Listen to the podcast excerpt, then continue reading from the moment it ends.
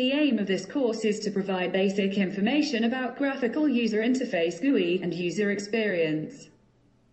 In this course, students examine existing graphic interfaces, identify design problems, develop solutions, and design interface elements for websites and mobile applications.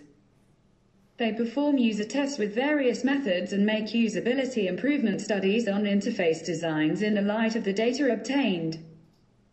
Students will create projects for different types of applications throughout the semester and have the opportunity to experience all stages of graphic interface design from start to finish. They will be able to have a basic knowledge of user experience.